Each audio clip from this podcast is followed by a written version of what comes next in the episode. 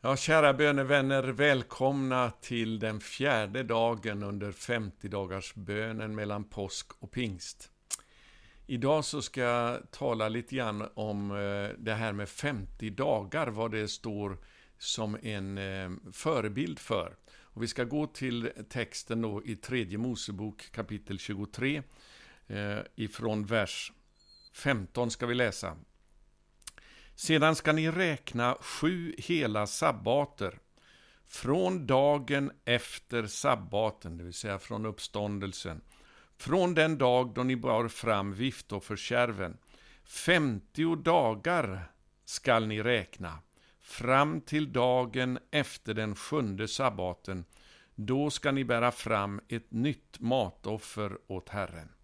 Så 50 i Bibeln, det är väldigt betydelsefullt. Det, var alltså, det fanns en orsak här. Gud har eh, alltid en orsak till varför han säger saker och ting. Och här står det alltså 50 dagar ska ni räkna.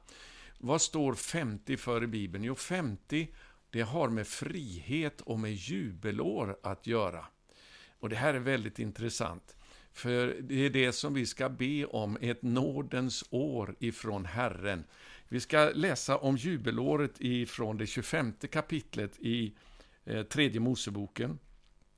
För den återkommer nämligen samma mönster här. Det står ifrån vers 8. Du ska räkna sju års sabbater. Det vill säga sju gånger sju år. Vad blir det? Sju gånger sju, det är 49. Ja. Så att tiden för de sju eh, årssabbaterna blir 49. Då ska du i sjunde månaden på tionde dagen i månaden, det är försoningsdagen det handlar om, eh, låta hornet ljuda med kraftig ton. Det här har, det är härifrån vi får ordet jubelår ifrån. Eh, på försoningsdagen ska ni låta hornet ljuda över hela ert land. Ni ska helga det femtionde året, lyssna här nu, och utropa frihet i landet för alla dess invånare. Det är vad vi ska bedja om eh, under de här 50 dagarna. Att utifrån pingsten ska det bli ett jubelår, en frihet eh, genom, ifrån Gud. Det ska vara ett jubelår för er. Var och en av er skall då återvända till sin arvedel. Och var och en av er skall återvända till sin släkt. Det här handlar om återupprättelse, tillbaka till det som Gud har eh, stadfäst och förklarat från första början. Det handlar om att komma tillbaka till vårt ursprung, till den apostoliska smörjelsen och kallelsen. Det är det vad pingsten har att göra med. För ordet pingst, det betyder alltså 50. Den kommer ifrån det grekiska ordet pentekoste som betyder 50. Så det är vad det handlar om när vi talar om pingstdagen, så talar vi om den femtionde dagen. Och det är kopplat till detta med jubelåret och frihet. Så jag läser igen vers 11. Ett jubelår ska detta femtionde år vara för er. Då ska ni inte så något, och det som växer upp av spillsäden ska ni inte skörda, och ni ska inte samla in druvorna från er osk era oskurna vinstockar. Ty det är ett jubelår, heligt ska det vara för er. Jag hoppar ner till vers 13. Under ett sådant jubelår ska var och en av er återvända till sin arvedel. Ja, församlingen har rört sig långt ifrån vår ursprungliga kallelse så som vi läser om den i Uppenbarelsebok, eller i Apostlagärningarna, förlåt. Det är den, det här ursprungliga eh, mandatet som vi har fått ifrån Herren att operera i den heliga Andes kraft som församling. Och vi ska läsa om det här med jubelåret ifrån eh, Lukas kapitel 4. Och jag börjar då ifrån vers 14. I Andens kraft vände Jeshua, Jesus alltså, tillbaka till Galileen och ryktet om honom gick då ut i hela trakten där omkring. Andens kraft och eld, är det vi beder om. Han undervisade i deras synagogor och blev prisad av alla. Så kom han till Nasaret där han hade vuxit upp. På sabbaten gick han till synagogan som han brukade. Han reste sig för att läsa ur skriften. Och man räckte honom profeten Jesajas bokrulle. När han öppnade den fann han det ställe där det står skrivet. Och så kommer det så ljuvligt här. Herrens ande är över mig. Ty han har smort mig. Det är det här vi behöver i vår tid. Till att predika glädjens budskap för de fattiga. Han har sänt mig för att ropa ut frihet för de fångna och syn för de blinda, för att ge det betryckta frihet. Och så kommer det här, predika ett nådens år ifrån Herren. Det är en eh, anspelning på en referens till jubelåret, det femtionde året. Och på samma sätt så är pingsten, det handlar om femtionde dagen, om eh, Andens kraft och smörjelse till att predika glädjens budskap, frihet för de fångna och en återupprättelse av församlingen tillbaka till det som vi läser i Apostlagärningarna. Nu fick jag det rätt den här gången. Det är det vi ska bedja om under de här 50 dagarna, vänner. Och det, jag ska läsa här några rapporter nu som vi har fått in ifrån eh, sådana som var med i Solnahallen eller sådana som har sett eh, budskapen som vi gav ut ifrån Solnahallen. Nordens kallelsestund. Det är ju så här att eh, det var ju bara 200 som kunde komma in i hallen, men däremot så har budskapen därifrån haft över 100 000 visningar nu.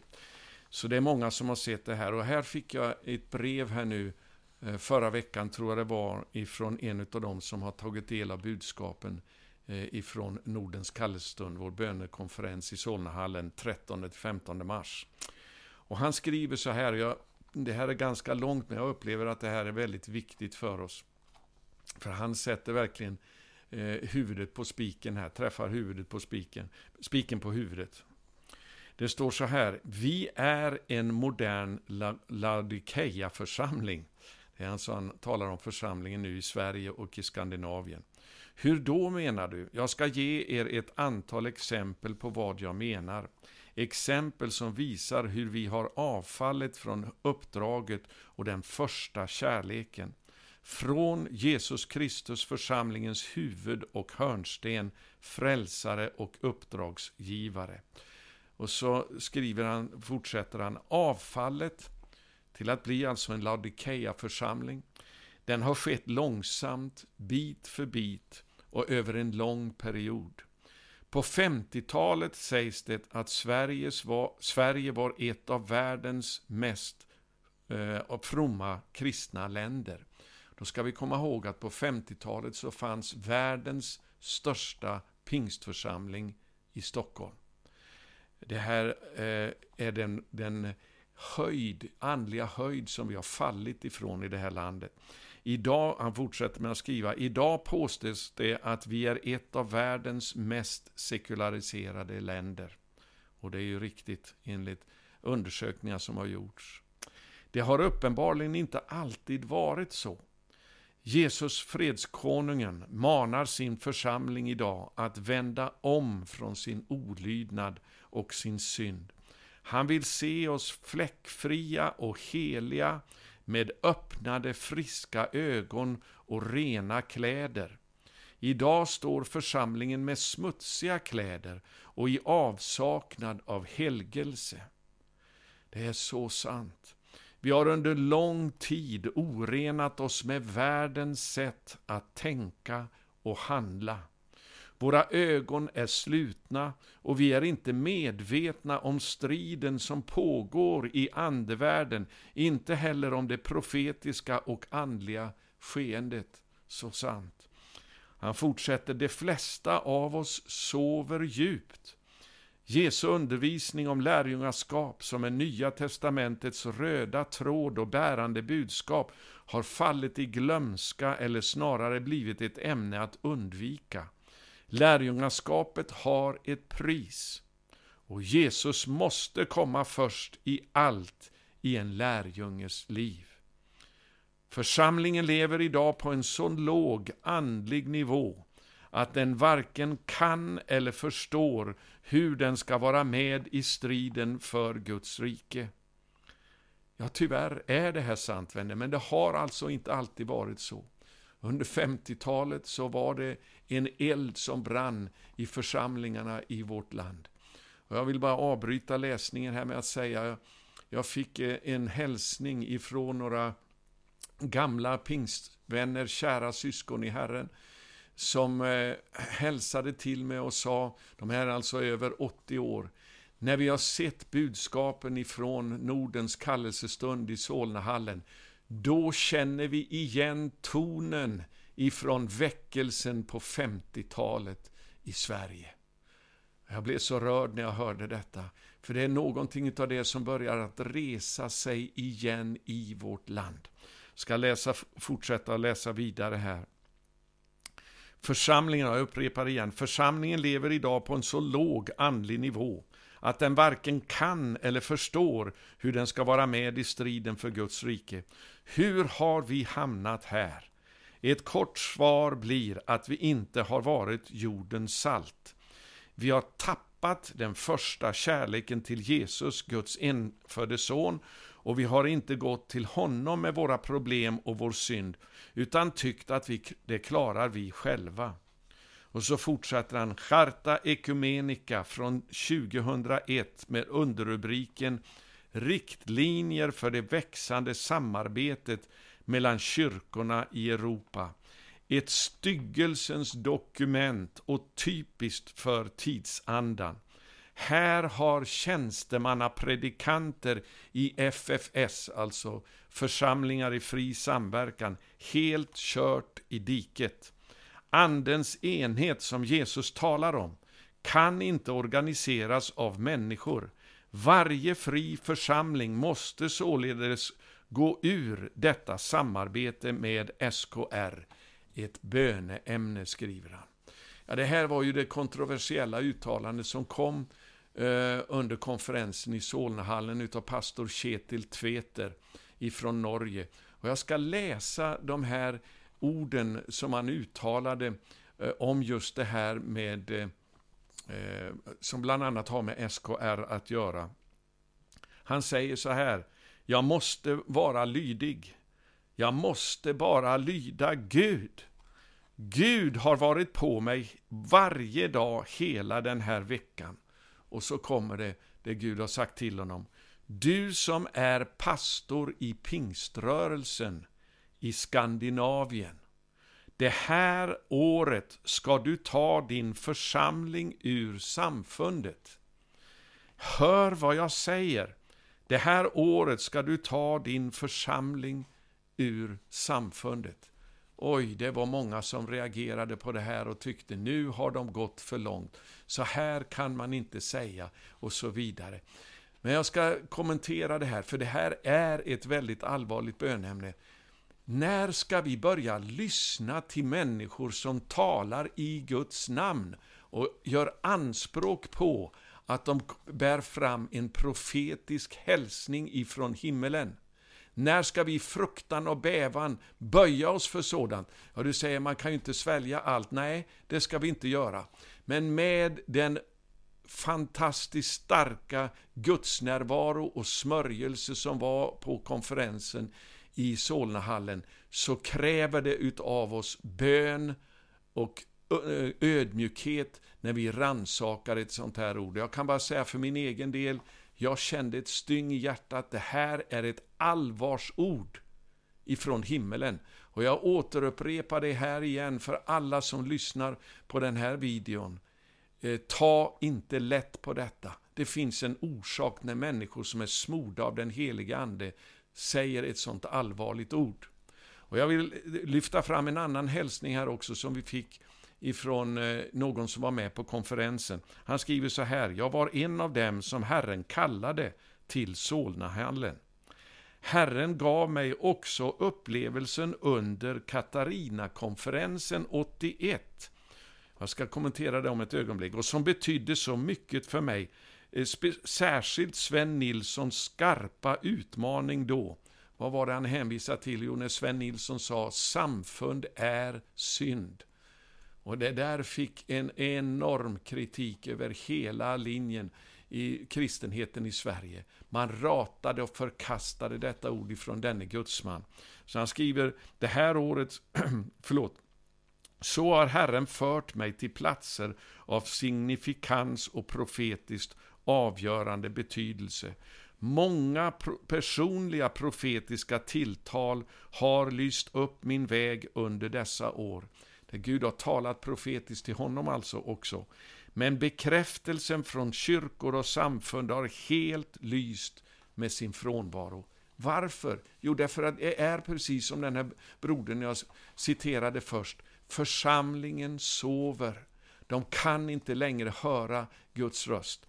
Men jag ska, innan jag läser vidare från den första hälsningen vi fick här nu, som jag avbröt för han skriver mer och jag ska återkomma till den, så ska jag eh, citera pingströrelsens grundare i Sverige, Levi Petrus, den oskrivne ledaren eh, under åtminstone 50-60 år för pingströrelsen i Sverige.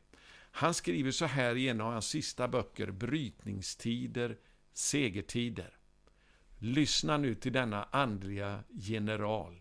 För det är så mycket tal om enhet idag som inte kommer ifrån Gud. Så här skriver Levi Petrus i boken på sidan 48 till 50. Jag ska inte citera allt på de här sidorna, men jag plockar därifrån. Att hålla på enheten med ett samfund eller en församling som svikit sin ursprungliga andlighet och frihet är felaktigt. Enhetens berättigande och värde är helt och hållet beroende på vem man är enig med. Enheten har således inget värde i sig själv. Låt dessa ord ifrån Levi Petrus, pingströrelsens grundare, ljuda som en basun över vår kristenhet idag i Skandinavien. Han fortsätter, en enhetskyrka som inte bygger på Andens enhet, det vill säga Andens liv, kraft och smörjelse, är långt farligare än den uppdelning vi nu har. Enhetsfrågan i den apostoliska tiden låg på det enskilda lokala planet. Han fortsätter, all kristen enhet måste vila på en andlig och inre grund. Ett yttre organisatoriskt band, till exempel SKR eller samfundsbildningar, kan snarare bli en påfrestning för enheten än en enhet, enande faktor. Och så fortsätter han.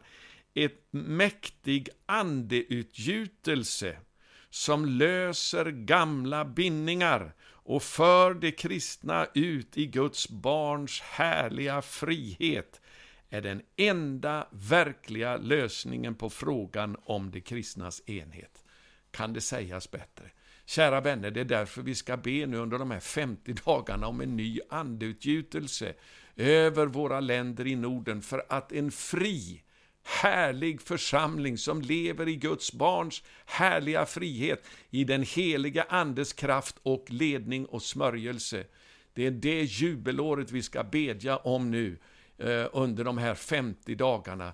Jag är så upptänd i min ande utav det här, därför att det är det här som djävulen strider emot och som har lyckats lura nu en så stor del av svensk kristenhet, inklusive den karismatiska rörelsen, inklusive Livets ordsrörelsen, eller trosrörelsen, eller vad den nu kallas, inklusive pingströrelsen, in i en andlig blindhet på det här området.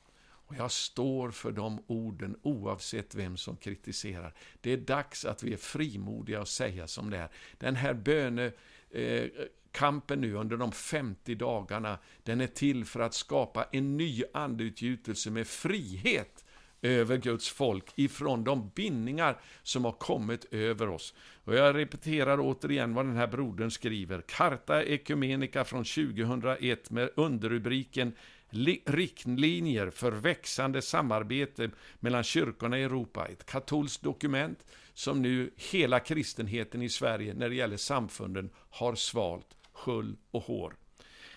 Och det, han skriver, det är ett styggelsens dokument och typiskt för tidsandan.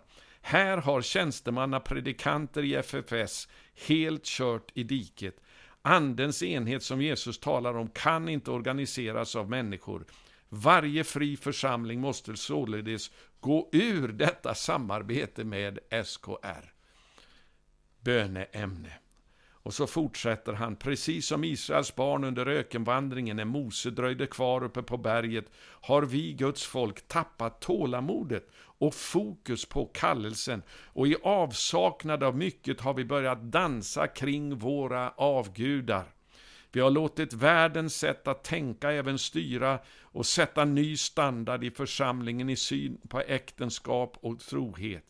Vi har låtit vår egen förmåga styra viktiga val, liksom egna tillgångar, istället för att fråga och lita på Herren, huvudet för församlingen. Vi har slutat att läsa och studera Ordet. Det här är så viktigt. Samtidigt som vi har gjort bönen och fastan överflödiga. Det profetiska har helt tystnat. Listan kan göras lång, mycket lång, men vi stannar här. Allt detta borde få oss att inse hur djupt vi har fallit och att vi alla är medskyldiga. Och så skriver han eh, nu till det positiva. Idag är frälsningens dag och det är inte för sent till omvändelse. Halleluja!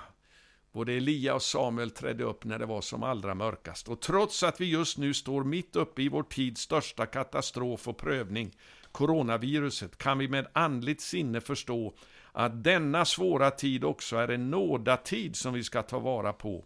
Men vi måste förstå att det är en tid för syndanöd, förkrosselse och omvändelse.